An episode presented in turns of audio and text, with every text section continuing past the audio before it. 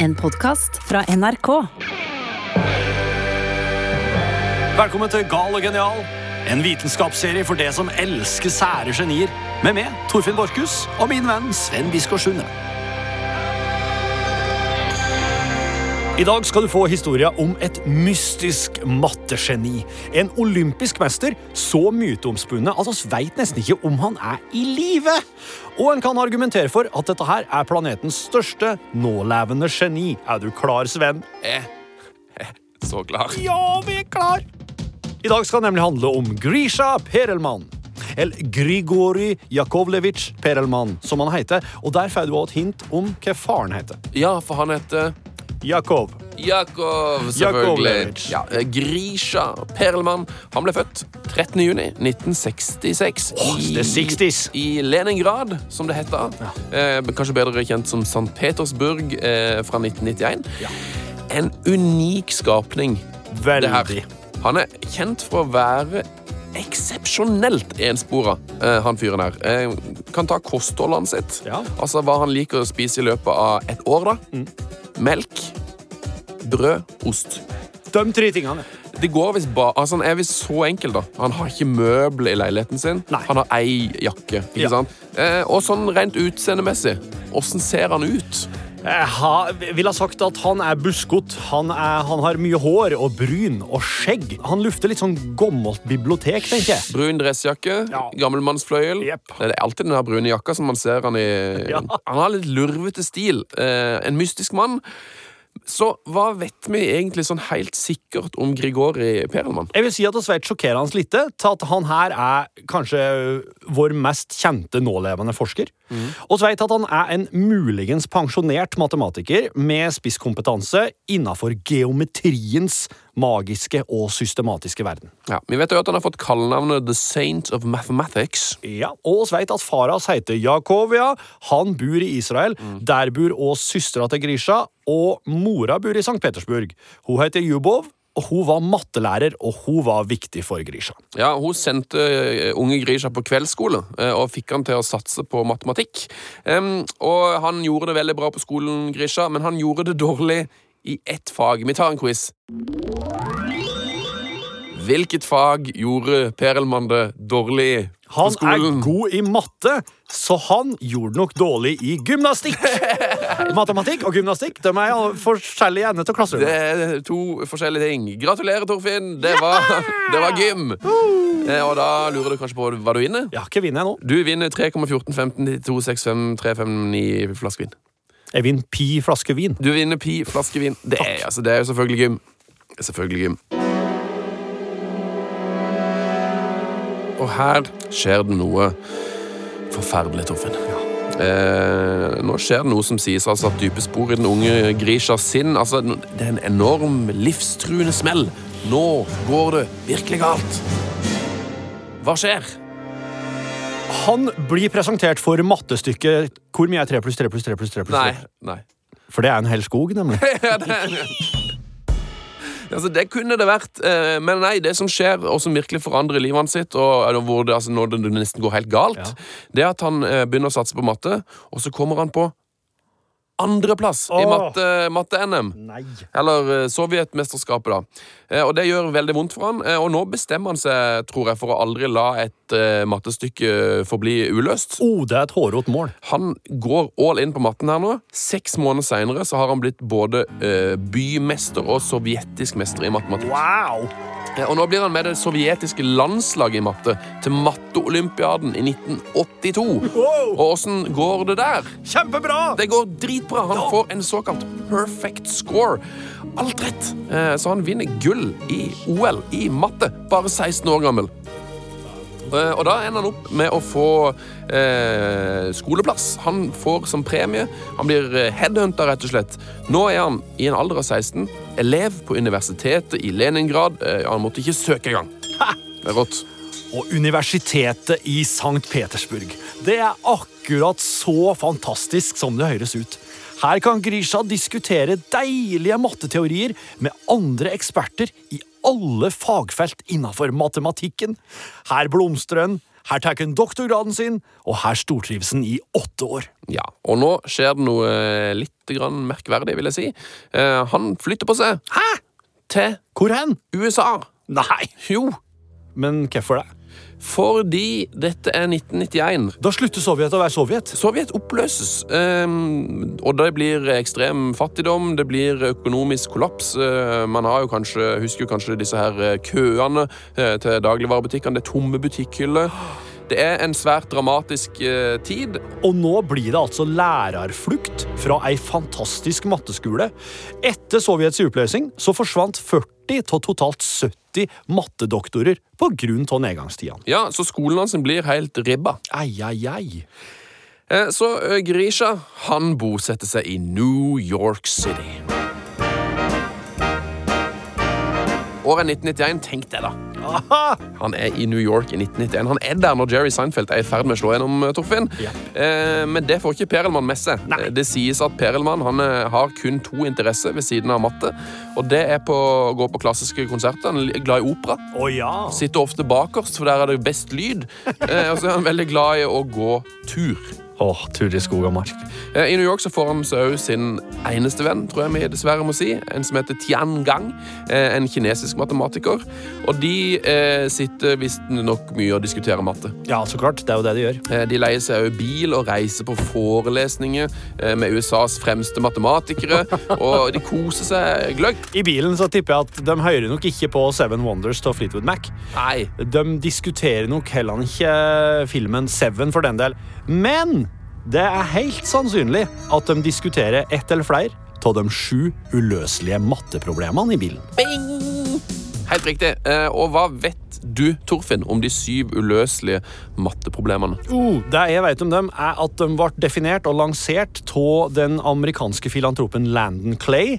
For han sa at jeg gir en million dollar til den som klarer å løse ei av de gåtene her. Og så la han sju millioner dollar i potten. Ja, og her, eh, når de ratter rundt i denne bilen på 90-tallet, så skjer det et utrolig viktig møte.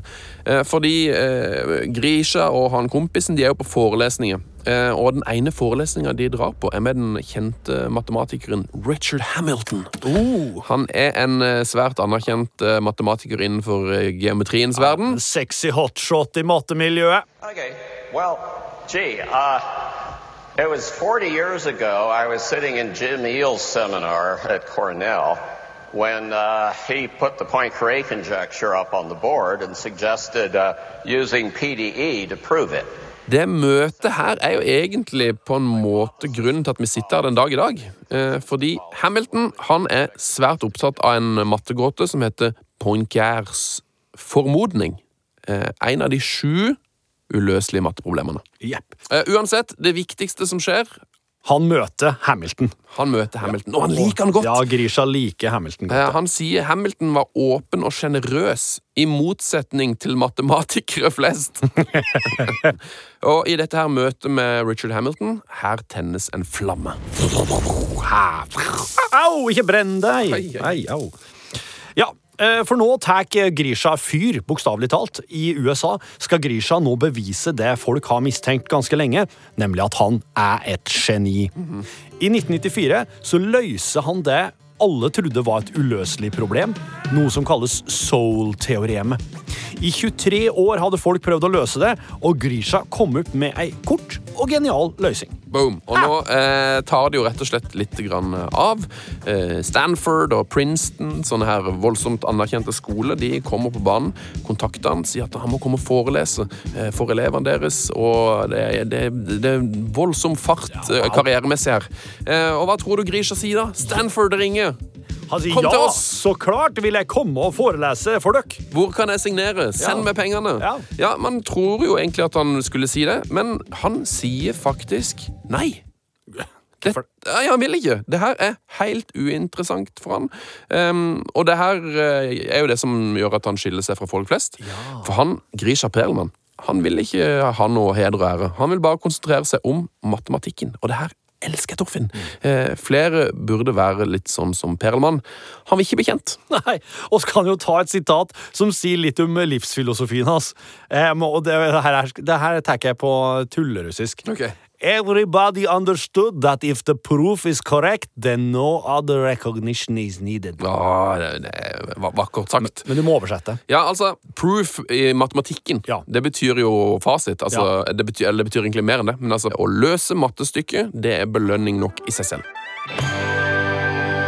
Nå har vi kommet til 1995, folkens. Eh, Dere som var der, dere vet hva det var for noe. Shaggy topper nemlig hitlistene. Det er et fantastisk filmår. Her kommer jo Heat, Casino allerede nevnte Seven ut. Ja. Eh, uten at Grisha så dem, så klart. Men det han så Ja, han så at hans idol, eh, Richard Hamilton, geometrikjendisen, han som tente flammen i Grishas hjerte, When han hadde nå gitt opp å løse Poincare-gåten. Så dette har blitt for vanskelig for han, um, og nå går uh, Grisha all in. Nå flytter han hjem til St. Petersburg, til ei leilighet like ved mammaen sin, der han kunne bruke all tid og krefter på matematikken. Nå skal han løse Poincares formodning. Ja, og hvis du løser den, så får du jo én million dollar i premie. Eh, Så jeg skjønner jo at den er motivert, men én ting som er viktig eh, rundt denne millionen med, dollar, det er jo et lite regnestykke som vi må ta og, og teste på oss sjøl, Torfinn. Hva er 1995 minus eh, 2000? Eh, Det er minus fem. Det er riktig. Og hva betyr det? Det betyr at Grisha begynte å løse gåten fem år før det var noe premiepenger involvert. Han gjorde det ikke for penger. For if the proof is correct, then no other recognition is needed. Han skal bare ha proof. Ja, det her er så vakkert. Og så blir det helt stille fra Perlmann. Nå går han i hi i sju hele år. The Russian bear. Eh, Og mens det blir stille, så kan jo vi eh, prøve å forklare litt mer i dybden hva Poincares formodning er. For nå, nå reiser han hjem for å prøve å løse dette her mattestykket. Men hva er det for noe? Oh, dette her er veldig avansert, men det som står i leksikon, er følgende, folkens. Hold dere fast. Litt upresist sier formodninga at Det står altså i leksikon. Litt upresist står det. Det, det her er Sånn begynner det. det Så vanskelig er det. Ok. Litt upresist sier formodninga at enhver lukket enkeltsammenhengende flate i rommet kan omdannes til en kuleflate på en kontinuerlig måte, det vil si uten at man river den i stykker og setter den sammen igjen. At flaten er enkeltsammenhengende betyr at den er sammenhengende, og at enhver løkke på flaten kan trekkes sammen til et punkt uten å forlate flaten. Et eksempel på en sammenhengende, men ikke enkeltsammenhengende flate er overflaten til en smultring. Binder man en elastisk tråd gjennom hullet og rundt smultringen, kan denne løkken ikke trekkes sammen til et punkt uten å skjære gjennom smultringen og dermed forlate flaten. Det er veldig vanskelig, Sven. Vi har, jo, vi, vi har jobba med denne eh, episoden kanskje i et år. Jeg har altså hørt om det her på en Kærs formodning i eh, ti år. Jeg skjønner det fortsatt ikke. Eh, men ta det med ro. En kollega av Perelmann har sagt det, det her er helt umulig å forstå for folk flest. Det er som å forklare kinesisk til noen som ikke kan språket ved hjelp av veldig få ord. Ikke sant? Eh, Så du må studere det her i årevis Ja. for å forstå. Eh, Så det er bare verdens ypperste matematikere eh, som forstår de greiene her. Det gjør ingenting om du ikke forstår det. For det er veldig abstrakt, men det er bra at noen forstår det. For matte er jo grunnlaget for alt. Mobiler, PC-er, internett, arkitektur Brobygging, oljeplattformer, regnskap, penger, filmen The Matrix. The Matrix. Eh, Alt er tall. Ja. eh, Og hva skal man si? Matte er pompøst sagt Ja. svaret på alt. Eh, Det er jo det som skal redde menneskeheten. Så det er jo det her eh, Perlmann sitter oppe, da. Matte er alt. Matte er større enn evigheten. evigheten. Matte er løsninga på eh, universets gåte.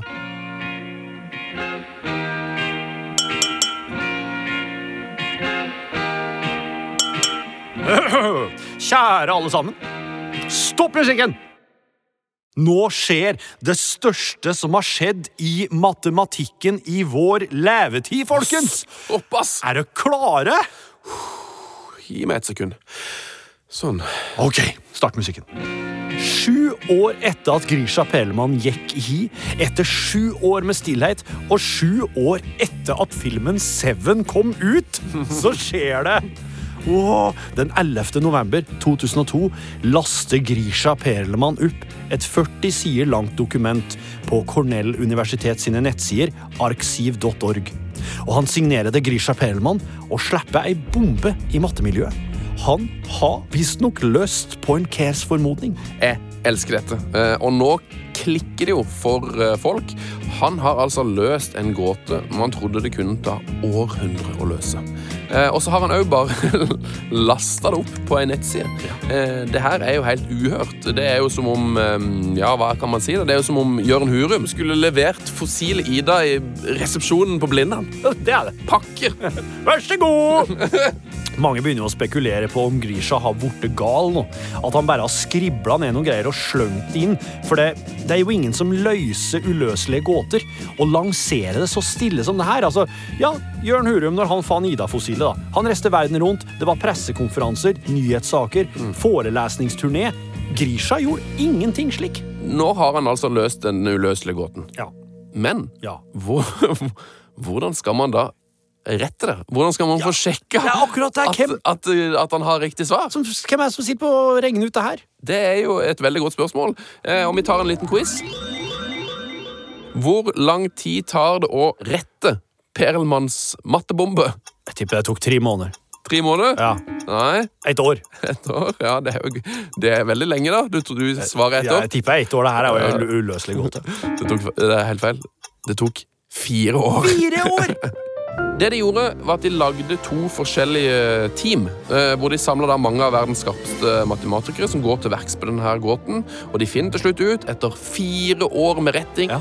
han er ikke gal. Han er genial. Han har løst det! Og etter en slik prestasjon, da kommer jo prisene og oppmerksomheten på rekke og rad. For i 2006 blir det offentliggjort at han har vunnet The Fields Medal. Og Sven, hva er The Fields Medal? The Fields Medal det er matematikkens svar på Nobelprisen. Eh, Det er den gjeveste prisen av alle, og det er en pris som kun deles ut til personer under 40 år eller yngre, eh, og det er en utmerkelse som skal deles ut i Madrid. Den spanske kongen Juan Carlos han er til stede for å overrekke. Det er 3000 folk i salen. Det er Hele verdens matematikkelite er samla. Men den 40 år gamle Grisha Perelmann han møter ikke opp. Han gjør ikke det, nei. Og det er jo nå han blir eh, verdenskjendis. Det er nå vi begynner å lese om han her hjemme i Norge. Ja. Eh, fordi han er jo da altså den første noensinne som har nekta å ta imot denne prisen. Eh, og da havner du jo på forsida av alle aviser i hele verden, til og med Norge, eh, noe han hater. Så her eh, er det jo et sånn slags catch 22, for han har ikke lyst til å bli kjent, han vil ikke anerkjennelse, sier nei til den prisen, blir tidenes mest kjente matematiker, nesten. Og eh, Landon Clay, han som lovte penger til den som klarte å løse en av de sju mattegåtene, Ja, i 2010 får jo Grisha beskjed om at han har vunnet The Millennium Prize. ja. Og The Millennium Prize er Det er jo prisen som Landon Clays matteinstitutt deler ut. Dette er navnene på det der fondet som skulle gi 1 million dollar. Um, og tror du Grisha Perelmann vil ha denne prisen? Selvfølgelig ikke. Eh, han takker nei. Og selv om pressen mer eller mindre henger på han overalt, de, liksom, de står utenfor leiligheten hans på fortauet, basically, så nekter han å uttale seg om noe som helst. Det var jo en gang en journalist fikk tak i ham på mobilen, og da sa Grisha Perlman You are disturbing me. I am picking mushrooms. Så det er sånne ting han har sagt til pressen. Ja. ja og det fins òg noen komiske videoer der han nærmest løper bort for pressen. Ja, det er artig. han, må, han må jo gå på butikken og kjøpe melk og brød. og litt ost. Men, men bortsett fra det så finnes det altså utrolig få uttalelser og direkte sitater fra Perelmann, for han har bare gått i hi. Og det er litt av problemet òg med eh, Perelmann, fordi at i og med at han aldri sier noe til pressen, eh, så finnes det så utrolig mange forskjellige teorier og rykter eh, som han aldri avkrefter eller bekrefter. Og her er alle de mer eller mindre sannsynlige svarene på gåten om hvorfor Grisha takker nei og trekker seg bort fra matematikken. Teori nummer én. Ja. Han er rik pensjonist. Eh, Han hadde visstnok spart opp eh, noen midler fra når han var i USA. ja. Og han sa til en kompis jeg har nok penger nå. Til resten av livet. En annen teori er jo at han blir så utslitt av alt drama i mattemiljøet at han rett og slett ikke vil ha noe mer med dem å gjøre. Ja, Vi nevnte det jo i stad. Når han eh, kom med denne løsningen, så ble det jo sådd tvil om eh, løsningen egentlig var hans. Og det ble jo en sånn enorm splittelse i mattemiljøet. Eh, og det var så utrolig mye krangling. En annen ganske trist teori det her da, det er jo at Grisha sin genialitet tar overhånd. Genialiteten blir til galskap, og at han ikke klarer å fungere normalt i samfunnet lenger. Det er jo litt uh, trist, uh, den teorien her. Og det minner meg jo òg veldig om Newton, som vi snakka om i en annen episode. Ja, Han rota seg jo inn i alkymien. Ja, og her kan man jo få en følelse av at uh, Grisha Perlman Ja. han har rota seg vekk i en uendelig ligning. Han er Ja. dypt inne i et mattestykke. Ja, er Kommer mer- seg ikke ut. Nå er det mer sånn at matten regner han. Vi kan jo avslutte denne her fortellingen om Grigorij Jakovlevitsj Perlman eh, med hans aller beste sitat. Det som virkelig viser frem hans storhet som menneske og matematiker. Er du klar? Ja, jeg er klar. Emptiness is everywhere, and it can be calculated. Which gives us a great opportunity. I know how to control the universe. So tell me, why should I run for a million? Altså, er- vi tar det på norsk. Eh, tomhet, det er overalt. Og det kan bli kalkulert. Eh, noe som gir oss en storslått mulighet. Jeg vet hvordan man kontrollerer universet. Så fortell meg hvorfor jeg skal løpe etter en million dollars. Jeg håper jo bare at han en dag nå plutselig kaster ut ei bunke med papirer fra leiligheta si i St. Petersburg. Der han bare har løst de andre seks uløselige matteproblemene i ro og mak på god avstand fra det kaotiske mattemiljøet. Å, det må skje. Ja. At han varer plutselig en dag. Sjekk her, folkens. Sjekk hva jeg har gjort i eh, mellomtida. Hva jeg har gjort mens dere har krangla. Og det tror jeg var gal genialt. Takk for oss! Takk for oss.